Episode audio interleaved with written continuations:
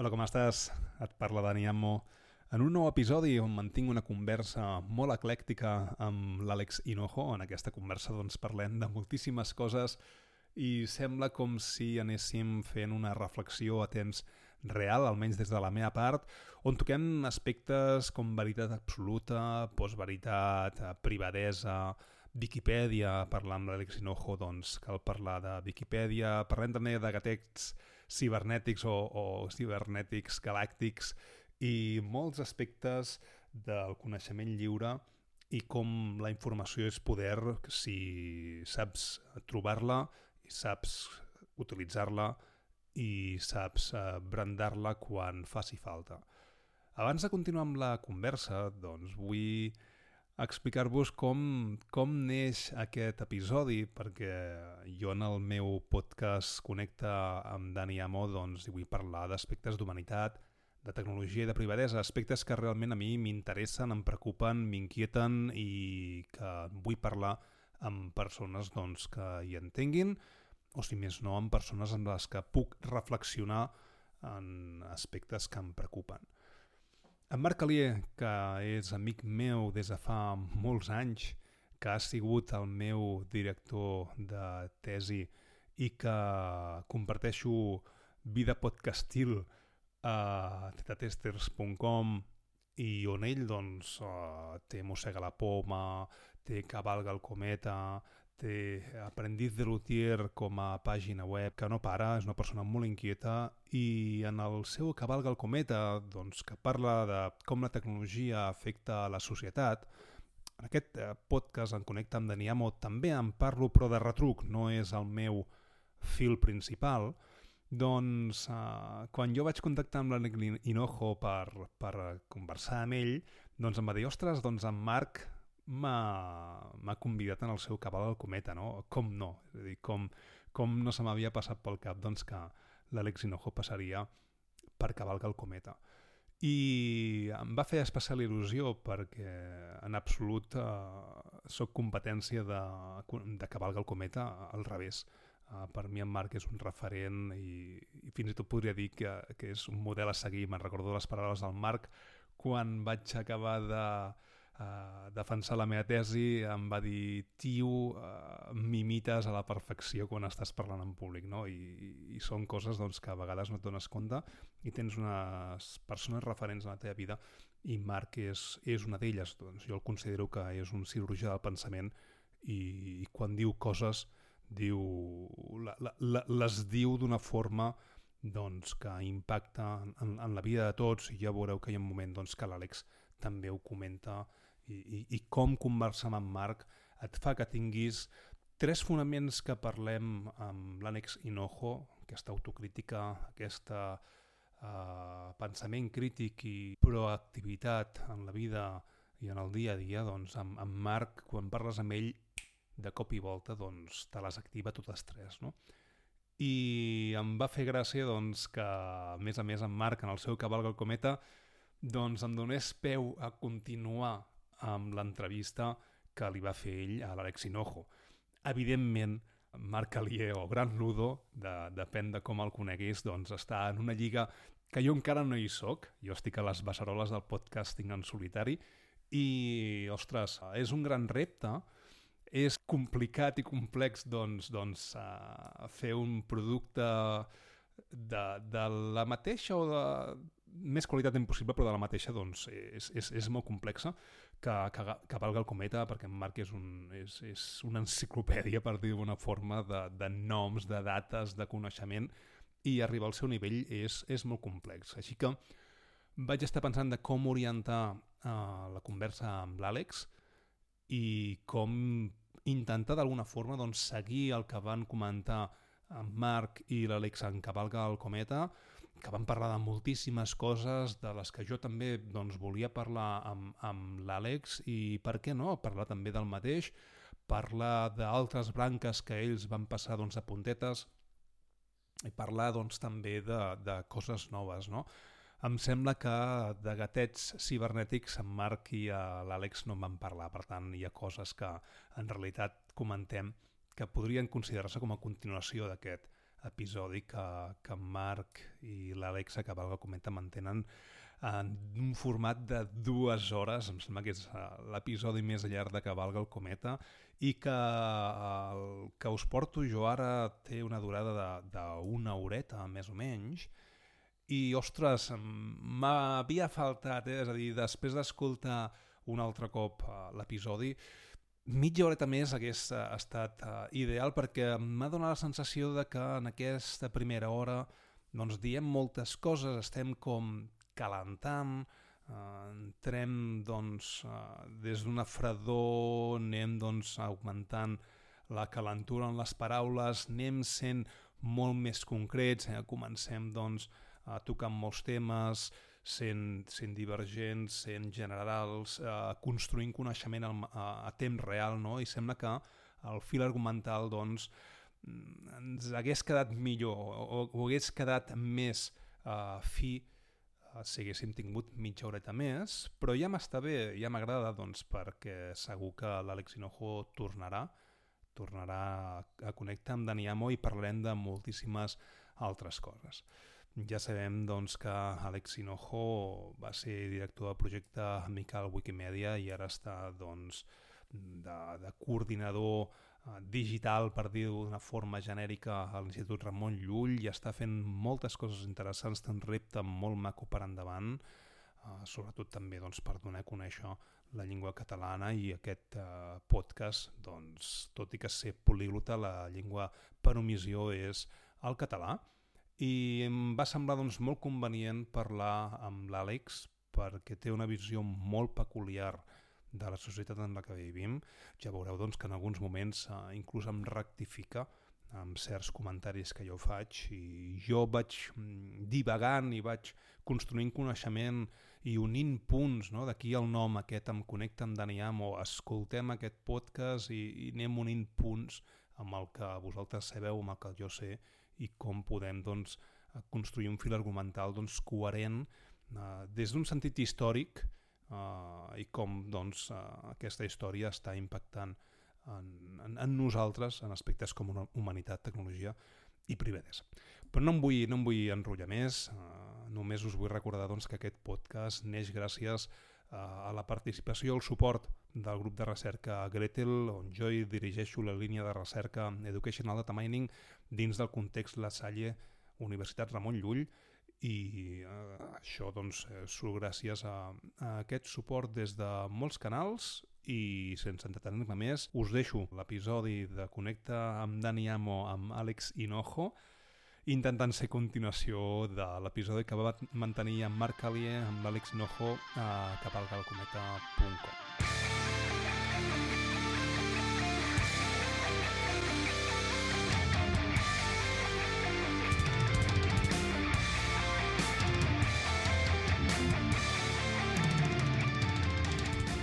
benvingut a Connecta amb Dani Amo.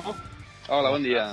Deixem que t'introdueixi i donem peu a, a tot el que volem parlar no? sobre privadesa, sobre veritat, sobre postveritat, aquestes fake news i, i tot el que ens ens vingui de gust, perquè al final Connecta amb Dani Amo és, és un espai on reivindicar moltes coses i on parlar del que ens vingui de gust. Eh? L'eslògan del podcast és Humanitat, Tecnologia i Privadesa i es tracta doncs, de, de, de comentar aquests temes. No?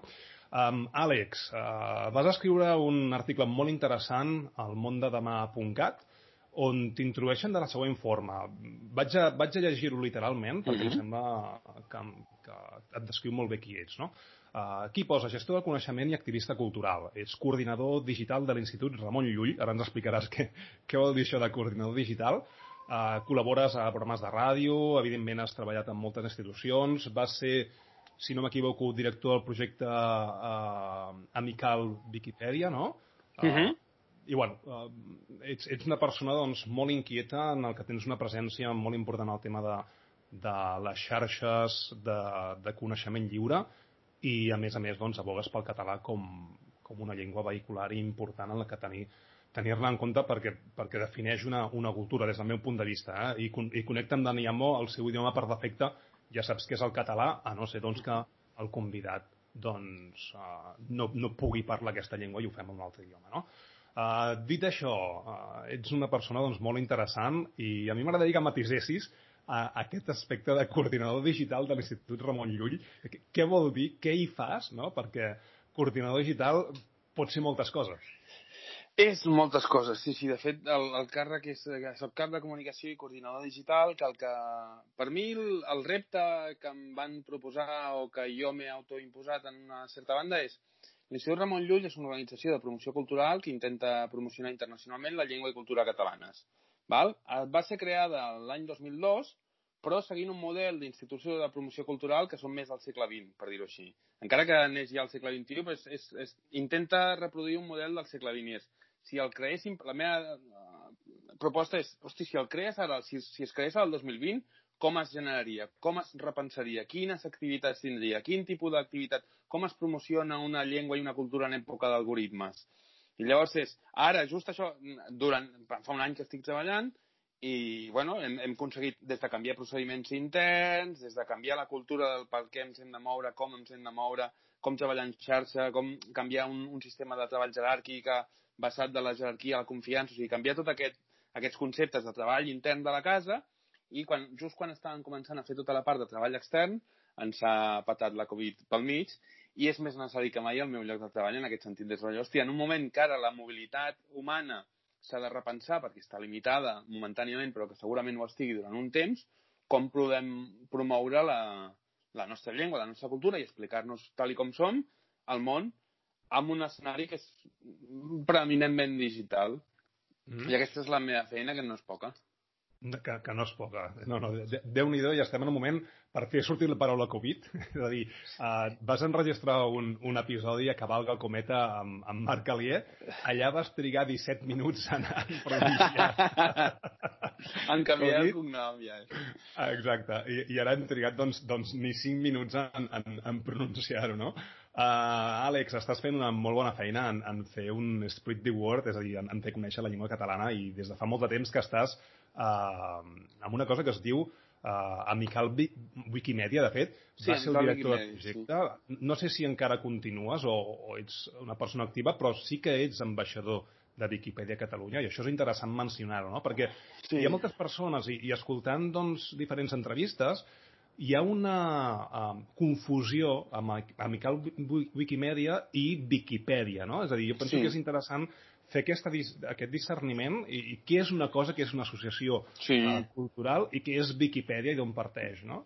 Mira, us ho explico. Wikipedia és un projecte, una enciclopèdia lliure que està disponible en 305 idiomes, en el qual intentem fer que la suma de tot el coneixement de la humanitat estigui disponible en, de manera gratuïta i en la teva llengua. Nosaltres, des d'aquí, doncs, la fem en català, no només en català, aquí s'editen 50 o 60 llengües, per dir-ho així, des de, de les terres de, país, de parla catalana. I llavors, eh, com a tota comunitat, com a tot projecte, surten fandoms, surten comunitats de fans que tenen ganes de fer de, de, de que tothom sigui com ells o d'explicar la bona nova, per dir-ho així. Llavors es van començar a, a crear unes comunitats, que és la comunitat Wikimedia, que és tota la comunitat que hi ha al voltant del fenomen de la Wikipedia i dels seus projectes germans, que no només és la Wikipedia, i llavors es van començar a muntar en aquest cas, des del meu punt de vista, erròniament, per països. Va començar a sortir Wikimedia França, Wikimedia Alemanya, Wikimedia Itàlia, Wikimedia X... Llavors, què passa? Que nosaltres no som un estat reconegut i, a més, nosaltres volíem treballar per un àmbit lingüístic. En el sentit de dir, si la comunitat dins de la Wikipedia és per llengua catalana o per, eh, per, per aquest tipus de comunitat, perquè ens, ens hem de, de basar en unes fronteres geogràfiques. Això va fer que vam generar Amical Wikimedia, que és com els amics de la Wikipedia, per dir-ho així, igual que basant-nos en l'Amical de Madhausen. Ja fent aquestes coses de paritat de gènere el 2007 o 2008, quan ens vam crear. Llavors, eh, Amical Wikimedia és l'organització que fa de pont entre la comunitat digital i el món real. Fem projectes de comunicació, de coordinació, concursos d'edició, projectes educatius amb universitats, escoles, instituts perquè els alumnes editin la Wikipedia. I jo vaig tenir la sort de treballar com a, primer com a coordinador de projectes i després com a director de l'associació durant, durant uns quants anys, eh, fins al 2000, finals del 2018, que, que ja ho vaig deixar. I és superguai perquè la idea, clar, fas aquest pont entre el món real, entre les institucions, entre els governs, entre l'administració pública i la Viquipèdia, difonent els potencials, la potencialitat de treballar en xarxa que moltes vegades ens deien, les, les, els partners, els museus, les biblioteques ens deien eh, venim, eh, allò del you came for the impact, you stay for the people, saps? Pues igual, veniu, o sigui, Wikipedia és molt llamina perquè, clar, és la primera web, molt visitada i no sé quantos, però el que ens heu ajudat és amb el canvi de xip, és a canviar la filosofia de la pròpia institució. O sigui, quan fèiem enquestes d'avaluació sempre ens deien que el que més havia ajudat a Mical a col·laborar en les, en les institucions no era tant la difusió cultural, sinó els canvis interns de mentalitat del que significava institució pública, el que significava un patrimoni públic, què significa un museu, com has de difondre la, la cultura i com col·laborant arribes a una potencialitat de divulgació molt més alta que no des d'una visió més, més jeràrquica, per dir-ho així. Mm -hmm. Sí, de fet, eh, vaig, vaig estar mirant i tafanejant la, les estadístiques. Wikipedia és, és un projecte obert, està dins del moviment de coneixement lliure i tot, absolutament tot, és obert i una transparència eh, mm -hmm. bàsica, és a dir, no, no, anava a dir brutal, no? però, però és eh, el projecte en si la filosofia jo entenc que un dels pilars és la transparència i es poden veure les estadístiques eh? I, i com diferents països entren a la Viquipèdia, com està uh, difonent la informació i quin impacte està tenint en el món. És a dir, no cal que, que, que t'hagin d'entrevistar a tu com a ambaixador de Viquipèdia per, per saber com s'està. És a dir, qualsevol pot accedir a Viquipèdia, anar a l'apartat d'estadístiques i veure-ho tot, on, on l'impacte doncs, és brutal.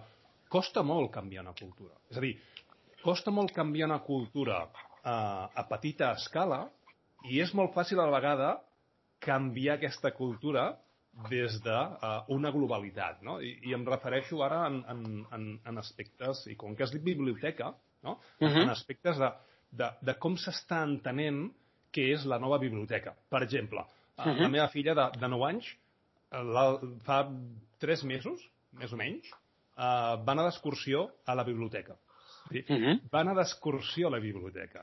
No? I, i, I allà, com que la meva filla doncs, uh, llegeix manga i aquestes coses, els seus amics doncs, van conèixer què és el manga i companyia. No? Però fixa't el concepte, és a dir, van anar d'excursió a, a la biblioteca, quan a la biblioteca tu i jo uh, i, i anàvem per estudiar, per buscar el coneixement on estava doncs, doncs tot. Quan ens enviaven una EGB, uh, jo almenys vaig fer EGB, no? És a dir, mm -hmm, quan, jo també.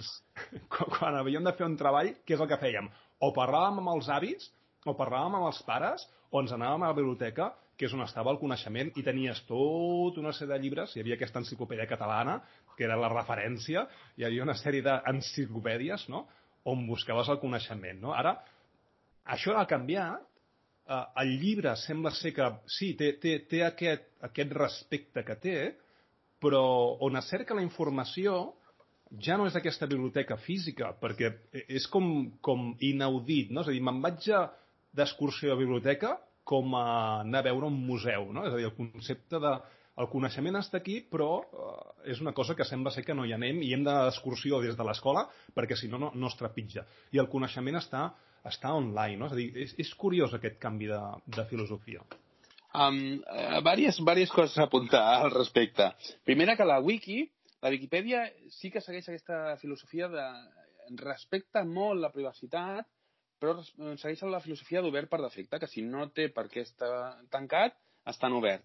Pel que fa al concepte de biblioteca, jo crec que les excursions aquestes que menciones tenen més a veure, per, per desgràcia, amb la crisi econòmica, que molta gent no pot pagar-se una excursió al zoo, al Tibidabo, coses d'aquestes que fèiem, o amb autocar escolar a, al monestir de Santes Creus o un d'aquests i fan i ara malauradament molts, moltes escoles de primària i secundària fan excursions a la biblioteca perquè és l'únic equipament municipal que és gratis anar-hi.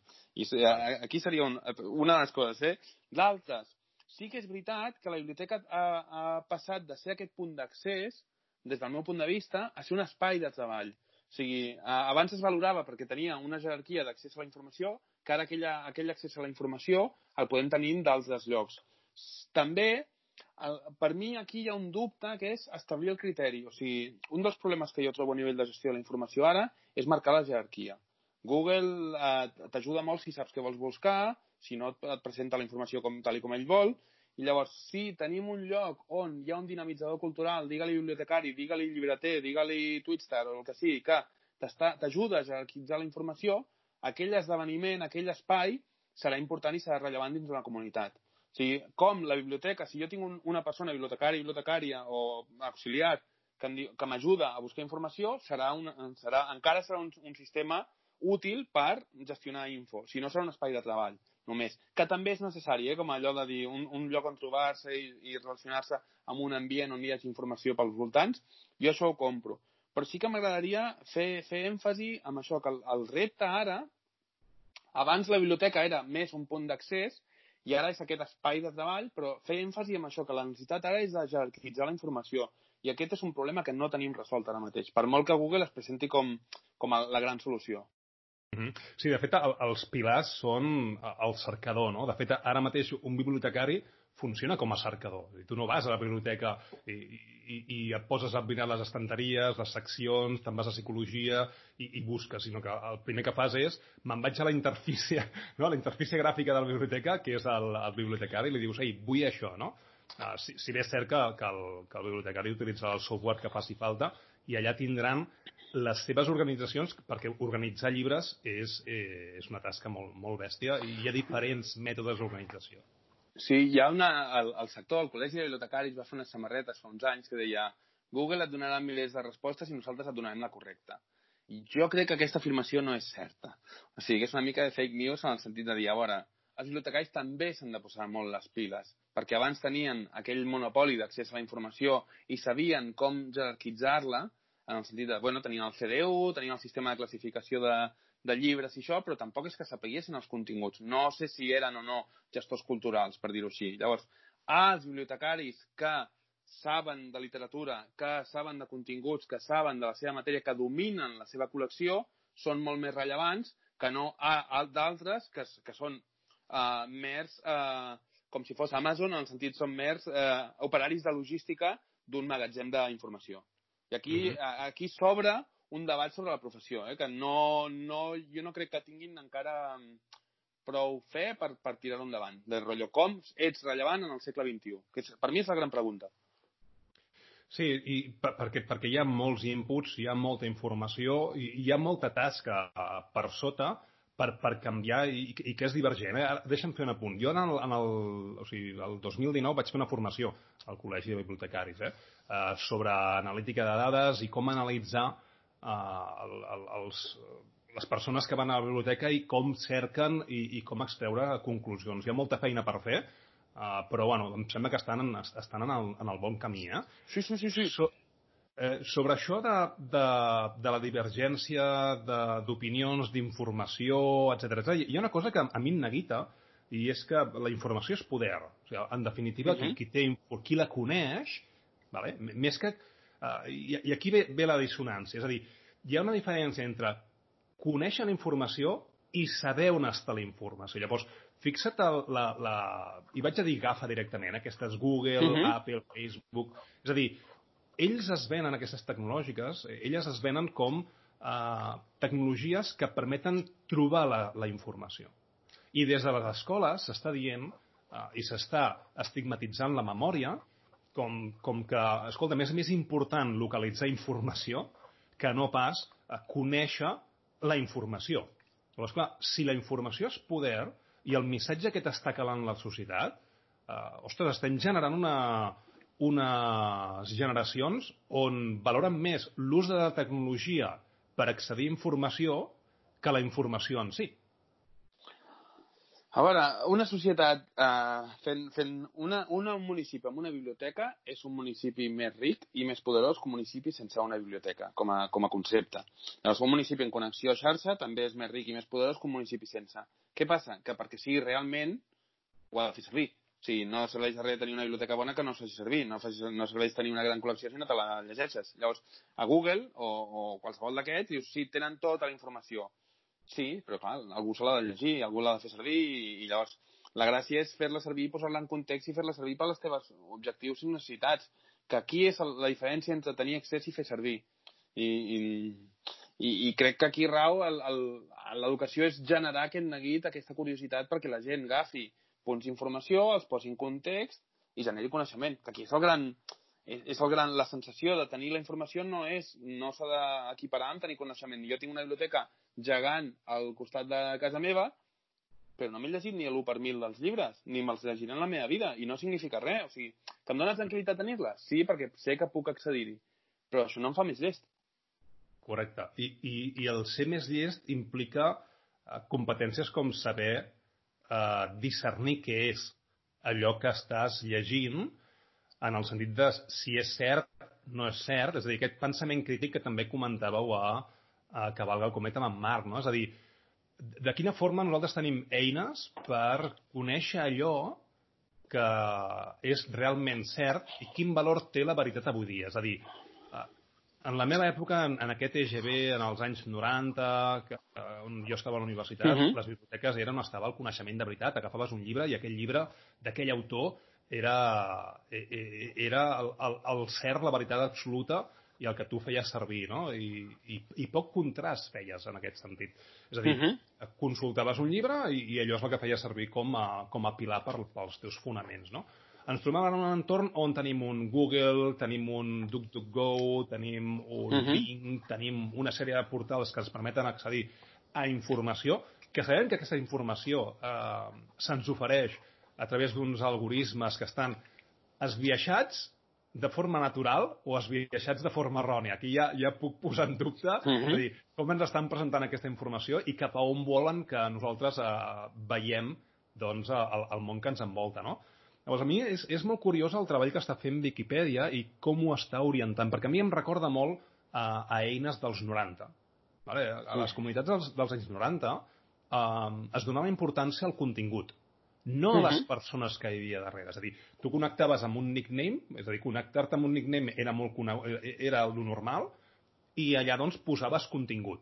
I se li donava uh -huh. importància a aquell contingut. I se li donava importància a la reputació del meu nickname, no a la persona que hi havia darrere. No? Uh -huh. Llavors, Wikimedia, és a dir, Wikipedia o la, la Wikipedia.org, a, a, a mi em dóna la sensació que estem en aquest punt. És a dir, és una retrobada dels anys 90, eh, i estic dient moltes coses, eh? Vull dir, sí, sí, sí, sí i estem donant importància tant al contingut que hi ha allà dins per defecte. És a dir, ningú posa en dubte eh, que el que hi hagi a Viquipèdia és fals, quan ho podria ser en un moment donat.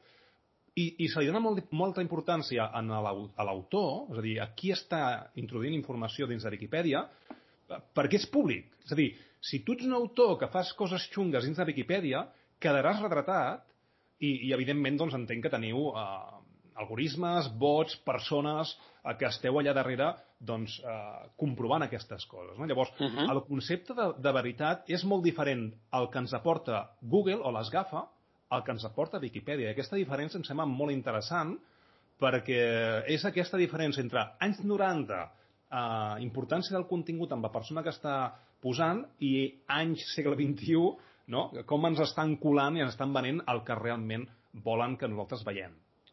Uh, hi ha moltíssimes respostes. Tot això ja seria un podcast en aquest sentit. Primera, um, una de les coses que jo he après editant la Viquipèdia és que som molt, molt, molt, molt ignorants. O sigui, et dona aquella sensació del rotllo, no me l'acabaré mai, mai la podré documentar sencera, que comences a editar un tema i dius, ja, però és que hi ha tant, hi ha tant, hi ha tant, hi ha tant, que això et dona certa comoditat en el sentit de dir, com quan entres a una biblioteca dius, no me'ls llegiré mai.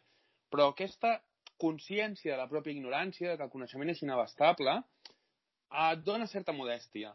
D'una altra banda, quan gestiones com es, es com s'escriu això que molta gent entén com la informació bàsica que donen per veritat quan no ho és, jo sempre dic que la Viquipèdia ha de ser la porta d'entrada del coneixement, però mai un substitutiu del mateix. És quan t'interessa un tema, hauries de començar per la Viquipèdia, no quedar-te a la Viquipèdia. Val? El problema que tenim és que la gent, com a molt, arriba a la Viquipèdia. Perquè tenim una, una baixada del, del nivell d'interès o de ganes de profunditat, perquè anem tots massa ràpid i és, incompatible velocitat i profunditat. Per això el podcasting, ara obro parèntesis, està funcionant tan bé, perquè et permet aquesta velocitat d'estar fent coses i escoltant a la vegada.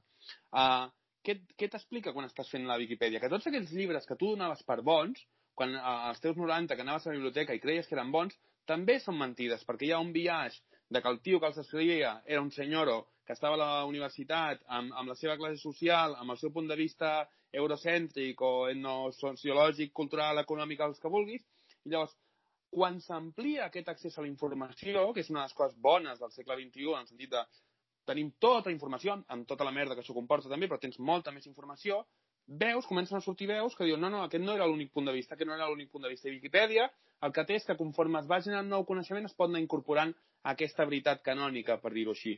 I això és una cosa molt bona, que et permet qüestionar les fonts clàssiques, clàssiques no vull dir els grecs, sinó les, el que en tenien per informació, i et dona aquest, aquest criteri, de, aquest esperit crític de dir, bueno, la veritat, jo cada cop defenso més que és una construcció social, és un consens de dir, mira, ara, el 2020, definim feminisme com això.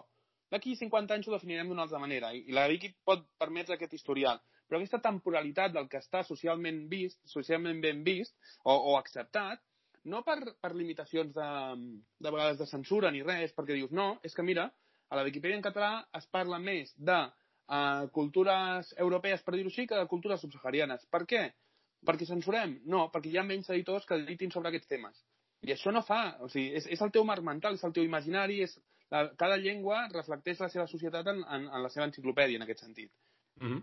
I, Llavors, I és curiós, això... eh? en, en aquest sentit, i és, i és curiós, i, i feies un apunt a, a la rapidesa, eh? un mm. incís, eh?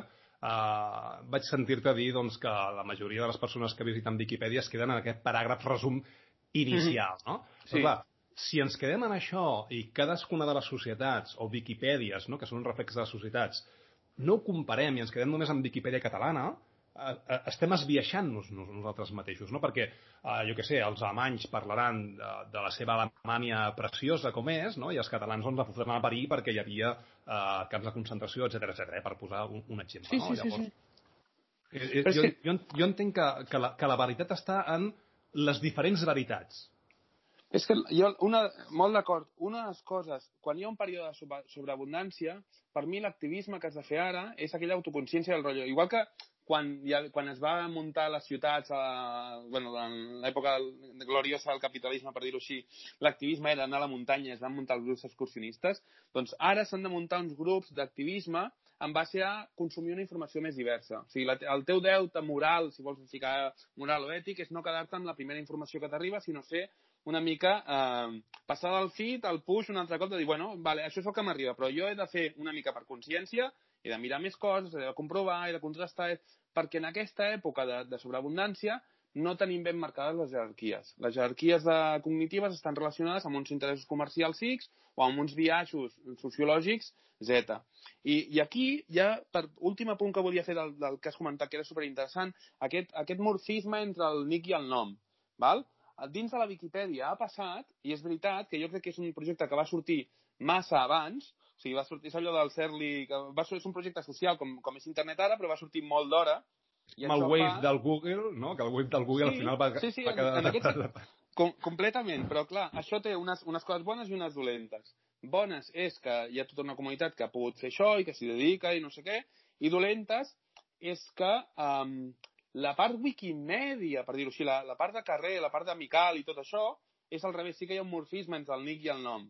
I sí que tenen a veure totes les coses dolentes de relacions de poder, enveja, relacions personals, eh, comportaments, per exemple, jo sempre dic que Wikimedia França, la seva activitat d'acció eh, d'organització és, és fer moltes coses a l'Àfrica subsahariana.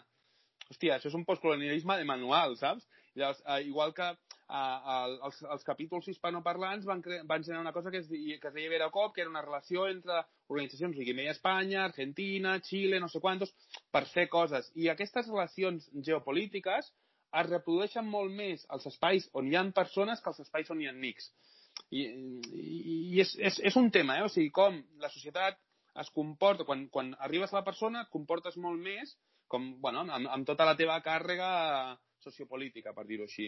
I és un dels reptes que té la, la Viquipèdia ara, que ara, com encara funciona amb nics, funciona amb noms no sé quantos, hi ha tota una societat que la consumeix que ja no està preparada per això, que no ho entén.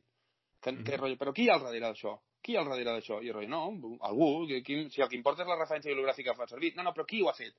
I aquest, aquest canvi d'escenari, clar, és que ja fa 20 anys el projecte, el farà 20 anys el, el, el 2021.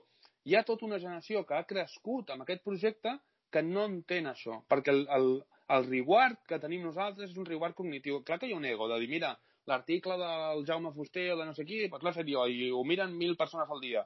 Això mola, però és un reward que no està a la meva foto allà i no surt el nombre de likes que jo tinc. I a més està amagat.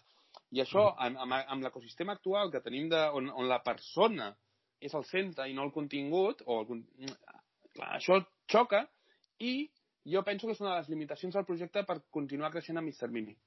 Mm. És que uh, em sembla que no s'ha entès què és Viquipèdia. Al final, i, perquè el concepte de referència se'l té molt desprestigiat. Llavors, Viquipèdia funciona en base de referències. És a dir, si no hi ha una referència que parli de tu i hagi dit això i es pugui contrastar, no apareix a Viquipèdia. Clar, és, el, el projecte és una síntesi del coneixement existent es basa en informació publicada per persones alienes al subjecte. És a dir, si jo vull fer un article del Daniel Adamo, no puc agafar el teu web i dir, mira, resulta que és el hijo de Superman, no sé què, té siete màsters. No, necessito que algun professional de la informació, periodista, autor, científic, o que sigui, hagi publicat informació suficient sobre tu perquè jo pugui recollir-la en algun lloc. És un, és un Reader's Digest, en el fons, d'informació uh -huh. publicada. És una amanida de coneixements publicats. Llavors, uh -huh. sempre, quan afegim contingut, hem de referenciar la font la font, és això, la Wikipedia té un disclaimer molt, molt interessant que sempre diu no dona cap garantia de validesa, perquè nosaltres, jo el que dic és, he agafat aquesta informació d'aquí, i aquesta altra d'aquí, i aquesta altra d'aquí. Llavors, conforme més gent vagi afegint informació, més complet serà l'article, que no significa més cert, perquè si a la font està esbiaixada, l'article estarà esbiaixat, i les meves pròpies limitacions cognitives també faran que l'article estigui esbiaixat, perquè jo parlaré, sempre poso els mateixos exemples, eh, però de dir, quan fas una, quan parles de l'article del Messi, eh, l'article en català, en castellà, en italià o en urdu no diu el mateix, perquè són diversos punts de vista. Sí, sí, no? i, i uh, estic buscant la referència, amb el que m'estaves comentant, se m'acaba de, de despertar, doncs, uh, hi, hi, hi ha un llibre d'un anglès que està afiancat aquí a, a Barcelona, doncs que diu que la història d'Espanya és, és una sèrie de, de, de, de fake news successives, no? Llavors, el concepte de veritat és una cosa doncs, que ens hem de replantejar eh, seriosament i és una cosa que, que has comentat abans en el sentit de que eh, tenim massa informació de molts punts i com que tot va com molt ràpid, doncs no ens parem a pensar. És a dir, tenim el gatell molt ràpid. És a dir, tenim el gatell mm -hmm. molt, molt, molt sensible i quan entrem a Twitter, quan entrem a Facebook, quan entrem a totes aquestes uh -huh. xarxes socials, que el que fan és dominar les nostres emocions. És a dir, jo, jo hi ha un concepte que dic la, la privadesa de les emocions. És a dir, com aquestes tecnològiques que saben molt de nosaltres ens eh, fan que els viatges cognitius que tenim aflorin i, hòstia, eh, el retuit és molt ràpid de fer. Dir, el, el retuit va néixer gràcies a la comunitat de Twitter que posava sí, sí, aquestes demanar. el, sí, sí, el RT tal qual, no? I, i ara hi ha el botó, el creador del botó eh, s'arrepenteix moltíssim, està dient, hòstia, mare meva, he creat una arma, una tecnologia, doncs que és superperillosa i que s'està utilitzant de forma incorrecta, no? Llavors, ostres, com aquesta eh, aflorament d'emocions, i, i vas parlar amb en Marc Alié, eh? com, a, com a intent de continuar aquesta conversa, cosa que és, uh -huh. que és complexa, no? És a dir, um, Daniel Kahneman amb aquest Behavioral Economics, no? que va, va posar la bíblia de, de, dels nostres biaixos mentals sobre de la taula, no? de com s'està utilitzant i de quina forma estem caient de, de quatre potes en, en, en les fake news. Jo ho estic veient, per exemple, amb el tema de les, de les fotografies, no? és a dir, de, del Covid, del desconfinament escalat que estem, que estem patint, no?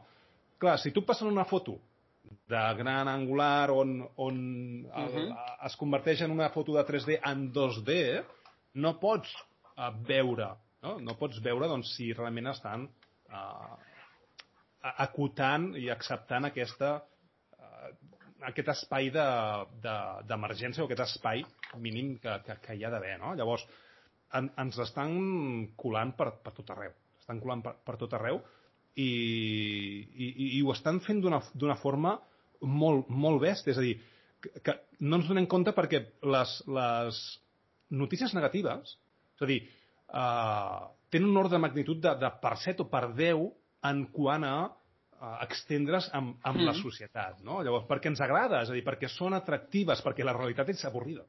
És dir, ens trobem en un moment que la realitat és, és molt avorrida, que potser ens haurien d'avorrir més del compte, i com que ens agrada estar vivint una, una realitat que, que no és certa, mira Instagram. Instagram ens estem fent fotos i el, immediatament després de la foto què és el que fem?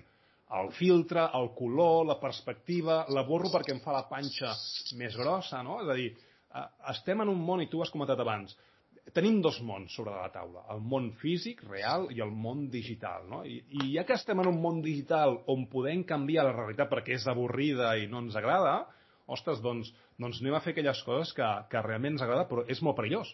Perquè, clar, si no tenim a, aquesta capacitat de, de veure que el que està davant nostre no és cert, és a dir, no és, no és cert, és a dir, um, està esbiaixat, perquè la paraula cert o veritat penso que la podem guardar en el calaix, mm. perquè al mm. final és, és un concepte uh, molt perillós, i, i si no som capaços de veure com ens estan colant, doncs estem en aquest entorn. No? És a dir, estem en un entorn on és molt fàcil agafar-nos les dades, és molt fàcil conèixer-nos millor del que nosaltres ens coneixem, i és molt fàcil doncs, que en un grup de WhatsApp ostres, s'incendia el món perquè han enviat una fotografia que no, que no és certa. Perquè la gent no entén que hi ha una cosa que es diuen referències, no? I, i potser sí. quan acompanyes aquesta foto del Covid-19 en 2D, on hi ha doncs, aquest, aquest zoom uh, aplanat, doncs uh, acompanya amb una referència uh, que és un, un zoom, que és un, no? una mirada telescòpica, no? Per mi, uh, hi ha unes coses que, que amb, que amb la wiki és això que es posa més evidència i, i repeteixo eh, que ho hem mencionat abans, i que amb les xarxes socials es fa més evidents, és que els humans són més tontos del que sembla. O sigui, sempre ho hem sigut i, hi ha una, i, i m'incloc, eh? O sigui, en el sentit de dir...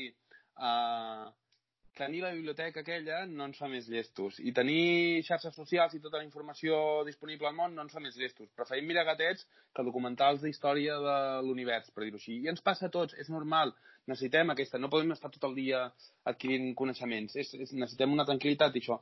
Què passa amb les xarxes? Per mi, sempre ho dic, hosti, abans de les xarxes socials, si agafes aquella xarxa social anomenada bar a Espanya, Uh, teníem 40 milions d'usuaris, o 25 en el cas de, al qual exercissin els bars, per dir-ho així, uh, que estaven dient comentaris inútils sense referenciar uh, obvis, carregats de racisme, uh, amb vol d'odi i el, el, oportunistes.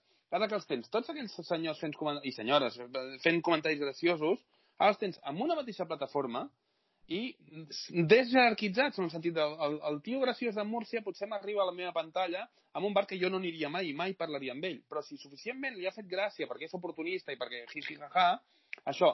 Llavors, les xarxes que han fet, allò que deies, hòstia, el retweet el vam crear nosaltres, veuen que no som tan intel·ligents. Jo, és que pots fer l'experiment.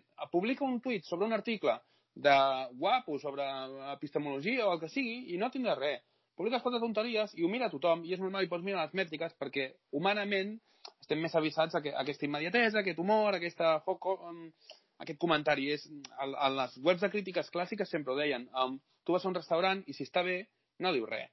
Està bé, pagues i marxes. Però com estigui malament, passarà, li diràs a tots els teus amics. Llavors, per què? Perquè som humans. És que jo crec que havíem sobreestimat els humans en, en aquest sentit. Llavors, les xarxes l'únic que han posat en evidència que sí, que no som ni tan llestos ni tan bones persones com, com semblaven. I, mm. I ara el que passa és que ho podem parametritzar, que som una colla de cabrons tots.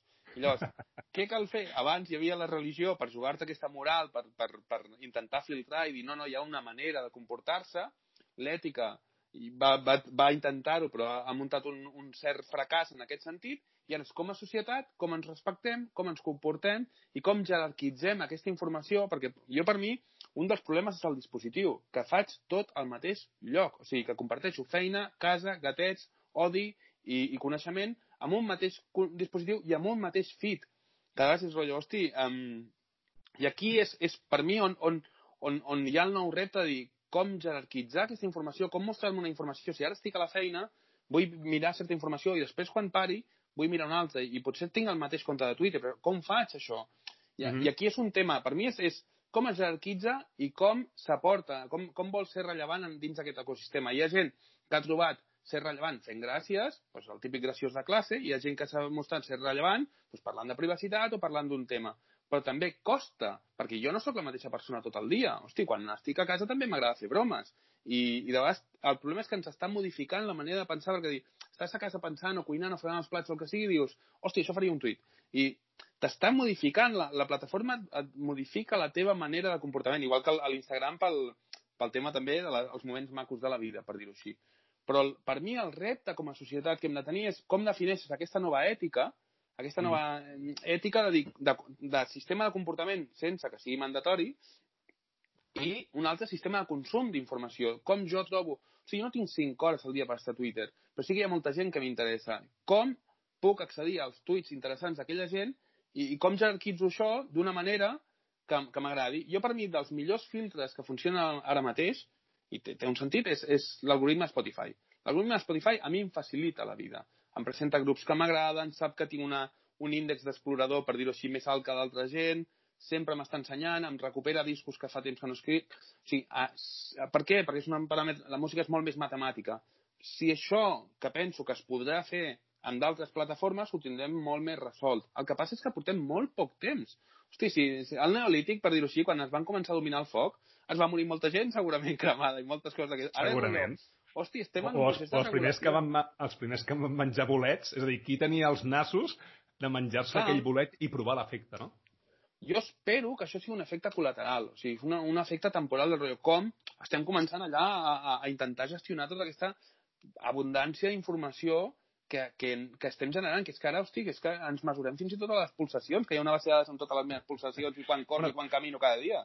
Hi ha un moviment, no?, que és el, que és el Quantify Itself, que, que se'n parla des de fa molt de temps, és a dir, la, la Mhm. quantificació del, del jo, no? Uh, I Mhm. està, doncs, amb aquests gadgets, una Fitbit, una Xiaomi i tal, és a dir, uh, és molt fàcil saber uh, a quin rati de suor estàs, en quin rati de pulsacions, eh, que també va molt bé, és a dir, al final la tecnologia depèn de com l'utilitzis, doncs uh, pot ser uh, beneficiosa o, o pot ser eh, xunga, no?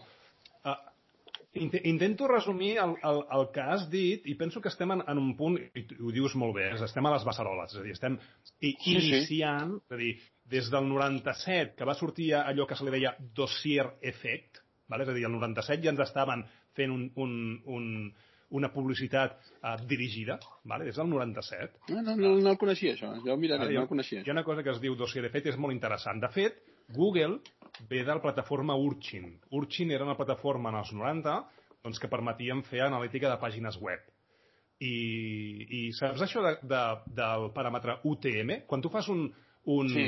un compartir eh, URL, compartir direcció, Mhm. a Facebook, Twitter, Google i companyia, hi ha un paràmetre que és UTM. Doncs això és Urchin Tracking. És a dir, és una Hosti, patent de l'empresa Urchin que Google la va comprar i, i ara s'ha convertit doncs, en, en Google Analytics. No? Llavors, bo. tot això ens ve des de... És a dir, el 95 ja estàvem tots, d'alguna forma, parametritzats, però no estàvem munits. És a dir, no hi havia encara aquest, eh, a, a, a, aquesta eco- economia submergida de dades. No? És a dir, hi ha, hi ha un concepte que, que es diu dark data, que el dark data és tota aquella informació que tenen les empreses que encara no la fan servir i no saben per què la faran servir i, i, i al 95 van començar a agafar-la i ara estem en, en, en aquest punt, no? en aquest punt de que la gent és conscient de que generem moltes dades, vale? estem en aquest punt de la, de la paradoxa de la privacitat, és a dir, eh, jo necessito per conveniència utilitzar aquestes eines, Mhm. però sé que m'estan xupant les dades, però és més forta la conveniència que la meva privadesa, amb la qual cosa les, les utilitzo. I com que l'impacte de la privadesa és a llarg plaç, i no és local, sinó que és global, doncs jo, jo tiro milles. Per exemple, si tu agafes a una persona i li preguntes uh, t'és igual que Google t'agafi les dades? Et dirà, m'és igual. I immediatament Sí. li, li preguntes doncs deixa'm el, el password del teu correu electrònic. Et dirà, no, no, és a dir, localment la gent diu no, no, la meva privadesa em pot afectar en el meu entorn local, però clar, les GAFA tant, eh, tenen un impacte global a llarg plaç. Eleccions, que són 4 anys, eh, canvis de, de vida tecnologia, que és... Amb la qual cosa, eh, aquesta incertesa de, de, de l'efecte negatiu eh, és, el que et permet doncs, dir, va, doncs, escolta, per conveniència tiro per aquí i per conveniència eh, tiro per allà, no? I això cada vegada s'està eh, posant més sobre la taula. Mira, jo eh, entenc la, la societat del segle XXI o la societat del segle XX, vale? de, de, de, perdó, de, de, de l'any 20, eh, al final d'any ja veurem com, com haurà canviat Mhm. la jerarquia, però jo entenc que hi ha tres categories molt clares. Eh, El, el cunyat o la cunyada, vale? Mhm. Uh, i, I hem de fer aquesta distinció i a connecta uh, amb Dani Amo vull fer um, menció a les dones, perquè al final estem en un món d'homes blancs de 40 anys i, i, i és així, eh? Amb la qual cosa uh, és interessant Mhm. que anem posant el, el, el gènere femení, no? Llavors, tenim els cunyats, tenim els científics i tenim els pseudocientífics. No? Llavors, les pseudociències, les ciències, eh, hi ha una pugna molt bèstia, però fixa't en, en què està començant a, a dir les persones i, i, i estan fent un canvi, estan acceptant, és a dir, i potser ho haurien d'haver fet d'una altra forma. Eh? Aquesta referència que fa la Viquipèdia, en quant jo dic això perquè hi ha alguna altra persona que ho està dient, que està contrastada i té un cert eh, renom, o no contrastada, però eh, em parla d'això en profunditat, ara mateix les persones estan dient quines són les dades que li donen suport al que tu mm -hmm. estàs dient. O no puc contestar la pregunta perquè no tinc suficients dades. La referència ha passat a, a la quantitat de dades que tinc vale? i de quina qualitat són aquestes dades. No? Però és que això està bé. Jo, pel que fa a la, a la part de la privacitat, uh, jo crec que el, el concepte és el concepte d'amenaça. I quan va passar el tot d'octubre del 17 aquí a Catalunya, l'amenaça de l'espionatge era evident, per dir-ho així. Llavors la gent de seguida va aprendre. O sigui, la quantitat de gent que es va passar Signal, que van fer, que van fer servir projectes amb, amb Bluetooth, que van fer servir tot tipus de tecnologia que jo flipava la, la implementació en qüestió de dies d'autoorganització, perquè hi havia una amenaça real i evident. L'amenaça de, de Google és com l'amenaça de menjar més o menys salat. És un tema de, bueno, ja m'arribarà. I tenim una qüestió, sé que a tu t'interessen els temes d'alimentació, tenim una, una, una manera de fer aquí molt mediterrània, per dir-ho, i no parlo a nivell global, però aquí és molt mediterrània, és, bueno, si el projecte, si el perill és evident, és, és relatiu, ja, ja vindrà, i quan sigui, i quan sigui evident intentaré saquejar-me. I això, això afecta com ens comportem en línia també. I després hi ha una part de que l'ésser humà és social, o sigui, jo ara mateix jo no, cada vegada discerneixo més entre el món digital i el món real en aquest sentit. Rotllo, jo dic que digital és un objectiu, i com a objectiu sempre és temporal. O sigui, és, és, és, mm, clar, és quan, quan deies el 2.0 o coses d'aquestes. És un tema, sí, defineix la nostra era, però cada vegada serà més mm, un objectiu inútil perquè és, és que és el que és. No, és allò, no em connecto a internet, ja internet està aquí a tot el dia. Llavors, pel que fa... Uh, ara m'he perdut. pel, pel que fa a aquesta part de, de com ens comportem i, i, i tot aquest tema de... És que no hi ha una alternativa. Hi ha, ens agrada i no hi ha uns estàndards. Hi ha uns estàndards que no puc obviar el grup de WhatsApp. Quan vaig obviar-me... Jo he fet experiments, eh? m'agrada molt, tinc molts mòbils i ara dic, ara faré això, ara faré això, ara faré això. Jo vaig estar un any i pico sense WhatsApp i sense, amb un mòbil de zapatòfono, eh? jo que em dedico a, a la tecnologia, amb un zapatòfono d'aquells de iaios. Què passava? Que jo estava molt còmode, estava d'Erasmus a Barcelona, per dir-ho així, en aquest sentit. Però qui pringava? La meva dona clar, qui s'havia de menjar els grups de WhatsApp de l'escola, qui el no sé quantos, la meva família, tal, i jo deia, no, no, què, què acaba tenint? Acaba tenint una secretària. És com el diu, no, els poderosos, l'Obama no porta mòbil. No, no porta mòbil, el porta el seu secretari. Llavors, és, és això, no pots, perquè vivim en connexió, vivim en societat, i, i la teva...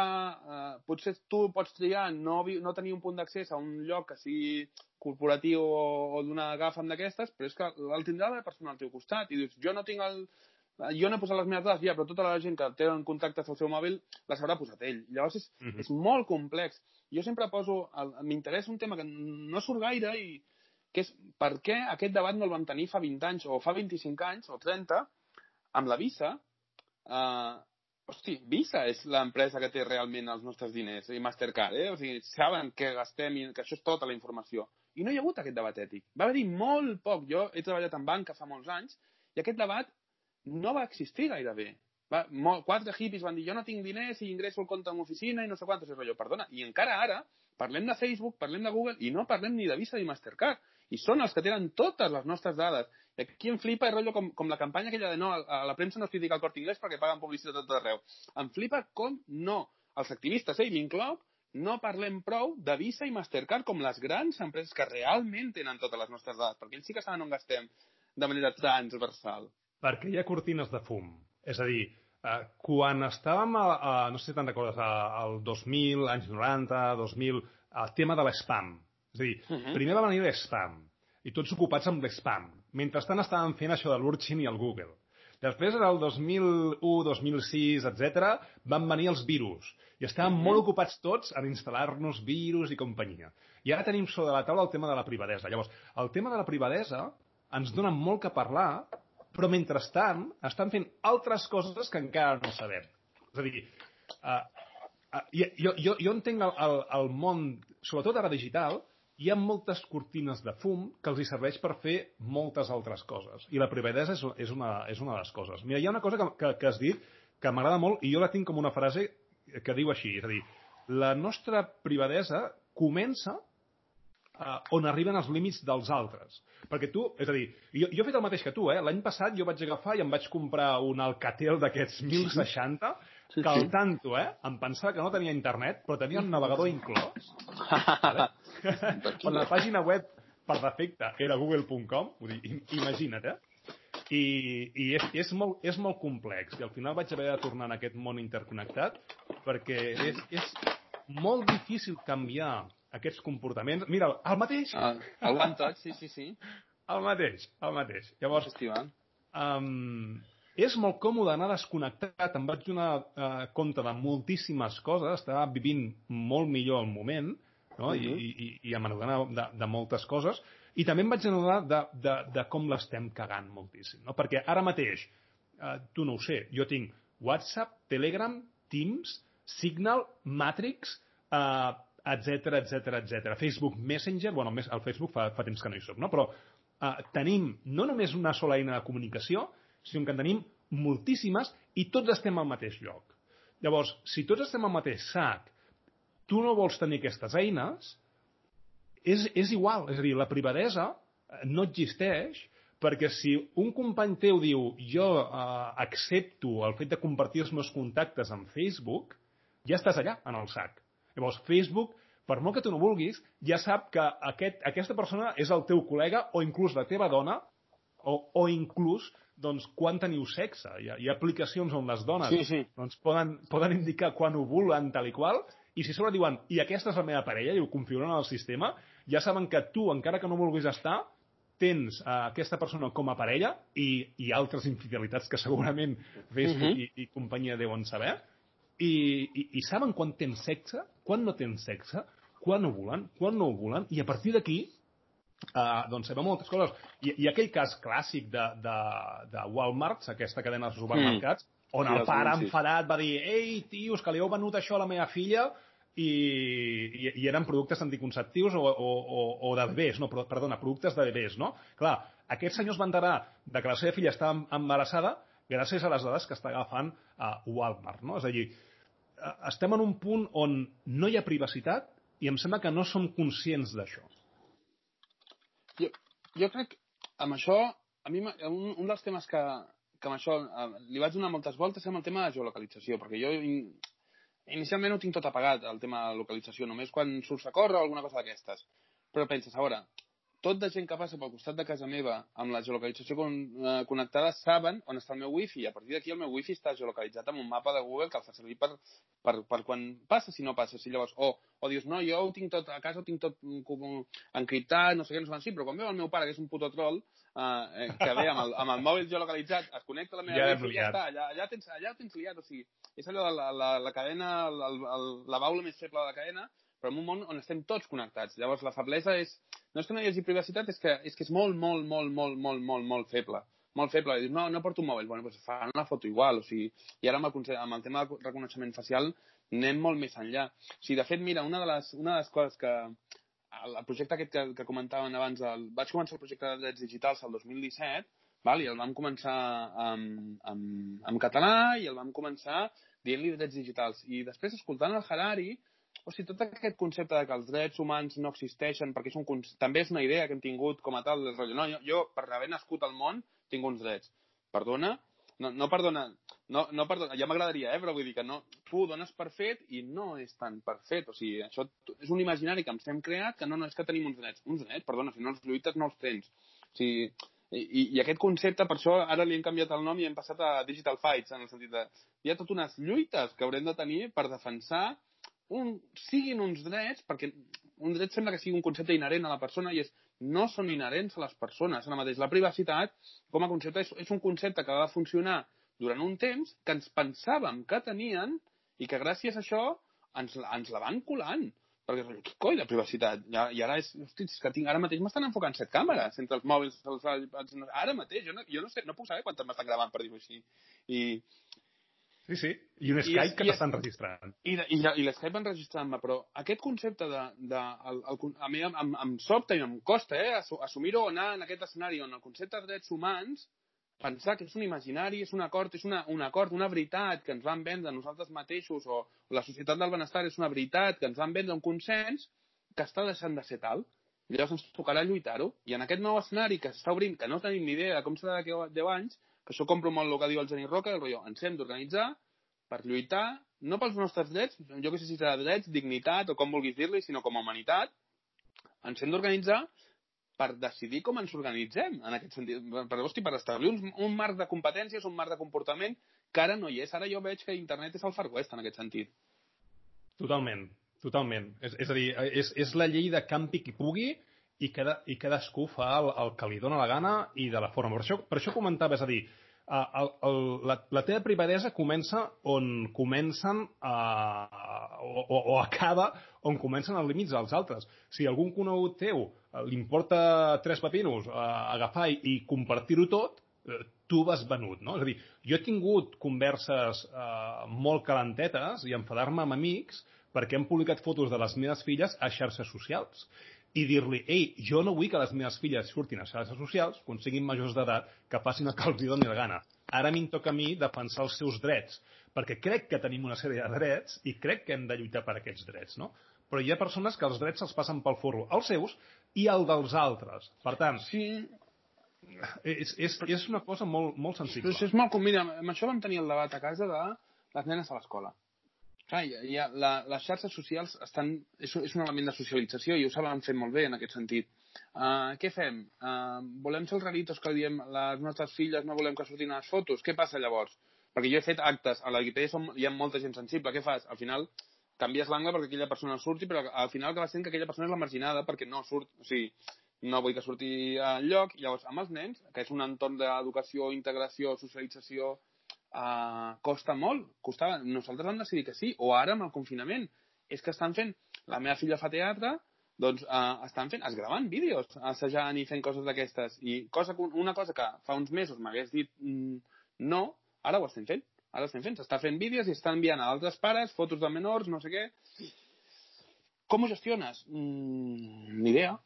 És, és molt complex, s'ha de fer molta educació, Vale, jo, jo, de fet, estic doncs, en converses amb, amb, amb persones d'educació i ara començaré a donar a veus. Ja saps que tinc edolítiques.com uh -huh. on mhm. parlo d'analítica, però d'una analítica respectuosa per l'estudiant.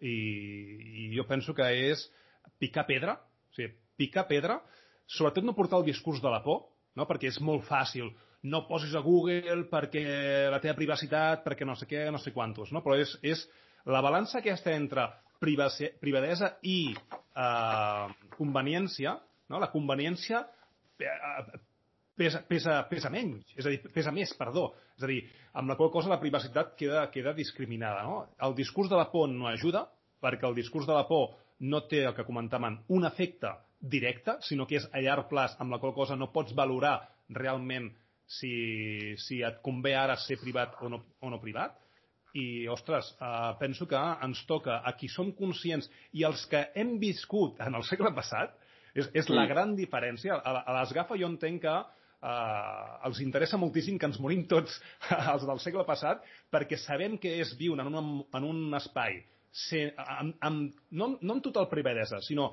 amb una privadesa no digital, i sabem uh -huh. què és fer el pas en aquest món digital i què és, de cop i volta, sortir al carrer despullats i amb un megàfon, perquè tot el que tu dius queda públic i, mm. i permanent en, en la xarxa, no? I, i ens estem extenent, eh? Disculpa, eh? em sembla que, que haurem d'anar... No, no, sí, sí.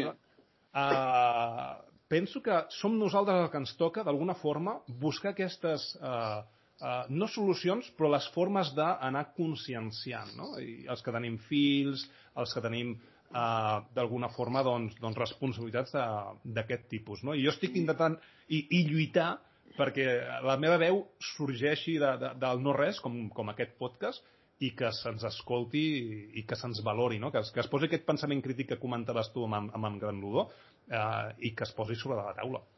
Jo aquí tinc dubtes, en, en base a això del segle XX, moltes vegades a, a casa ho hem comentat amb la meva parella, si no seria que el, el segle XX és el parèntesi. O sigui, si tu t'has mogut en un període de 40 segles de no llibertat, uh, ara estem un altre cop en una escenari de no llibertat i nosaltres, amb el nostre viatge de societat del benestar que vam néixer entre els 50 i el 2000, per dir-ho així, et penses que tens drets, et penses que tens privacitat, ets lliure. et penses que ets lliure, perquè ens ho van vendre com a alternativa al comunisme, bla, bla, bla, tota la teoria del segle XX, i és rotllo, som nosaltres els esbiaixats. És, eh, o sigui, vendre't a tu com les ves, rotllo, bueno, hi ha un producte temporal que va haver-hi allà un experiment social durant 50 anys que l'ésser humà tenia una sensació que no és tal, que durant tota la història de la humanitat no ha existit, però que nosaltres, virtualment nosaltres vam ser, tenim, estem codificats amb aquest còbol, per dir-ho així, i tenim tot el nostre sistema cognitiu esbiaixat. No, és que de vegades és allò, hòstia, i si sóc jo el que està malament en aquest sentit, i és, és, és tot un exercici de dir, no, no, no, la llibertat no ha existit mai, la privacitat no ha existit mai, la llibertat de premsa no ha existit mai, però a nosaltres, que vam créixer durant la segona meitat del segle XX, ens ho van fer, ens ho van fer ens ho van fer pensar que sí que existia. I tu et penses que tens un dret i que pots dir el que vulguis i fer el que vulguis pel món i a mi que me van a dir? Doncs pues no.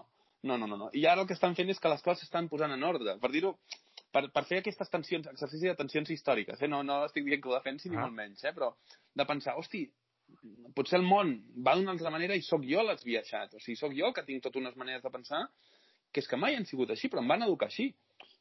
Clar, eh, i, i anem potser per posar final, perquè si no aquí estaries mm -hmm. doncs, parlant, i penso que també ens donem peu a, a, a, a parlar, inclús a tres bandes, eh, amb en Marc Alier, amb, mm -hmm. amb, amb tu i amb mi, doncs, d'aquests temes, no? Anem a posar tres accions que podem uh, dur a terme. Jo n'en dic dues, vale?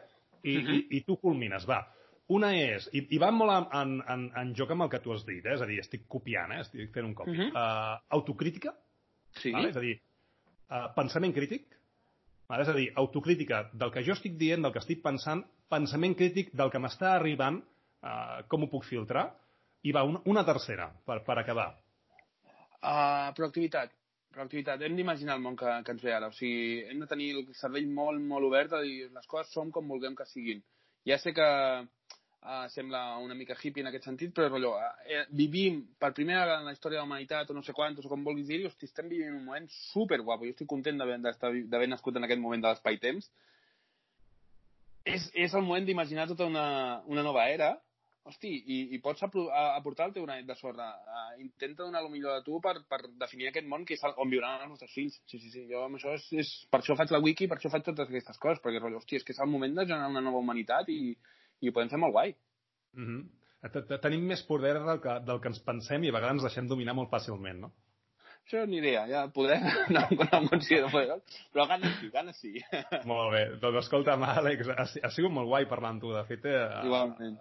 Som, jo penso que ets, que, ets un, que ets un llibre obert, tens molt de coneixement i, i a veure si amb, amb, amb Marc fem, fem això, no? és a dir, eh, ens trobem tots plegats i, i, i fem, doncs, una conversa a tres bandes. De fet, en Marc Aliel li estic dient, fes un podcast de 12 hores, fes un episodi de 12 hores. Ah, sí, sí, sí, jo Olin, eh? Olin. Jo a favor, sí, sí, sí. sí, sí. oi que sí? Eh, pot ser, sí, sí, pot sí, ser sí, molt sí. guai. Per mi, el, en Marc eh, és, és un cirurgià de pensament, sempre he dit, és a dir, és, és, és un llibre obert com tu i tenim molt de coneixement, i això ho hem de posar a disposició. Jo, Ale. mira, per agrair-li per agrair el Marc abans d'acabar, jo vaig anar a un museu de la Poma fa un temps i jo era molt més eh, control freak en el sentit d'aquesta part d'apocalíptic i ell em va fer canviar un...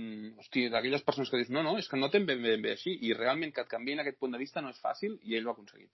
Per això, per això va ser el meu... És, és amic de fa molt de temps, en Marc, i per això va ser el meu director de recerca, de, de, de tesi, vale? perquè té una mirada sí, crítica molt, molt bèstia i autocrítica. Em sembla que les tres coses que hem dit... No? Sí, sí, les té, les té.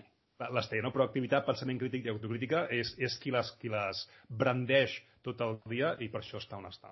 Àlex, uh, deixem-ho aquí perquè em sembla que en 5 minuts tens una altra, una altra cosa. no pares. Ha sigut un plaer per mi. Uh, he pres moltíssim de tu. I espero tornar a repetir. Vinga, ens veiem. Que vagi molt bé. Igualment.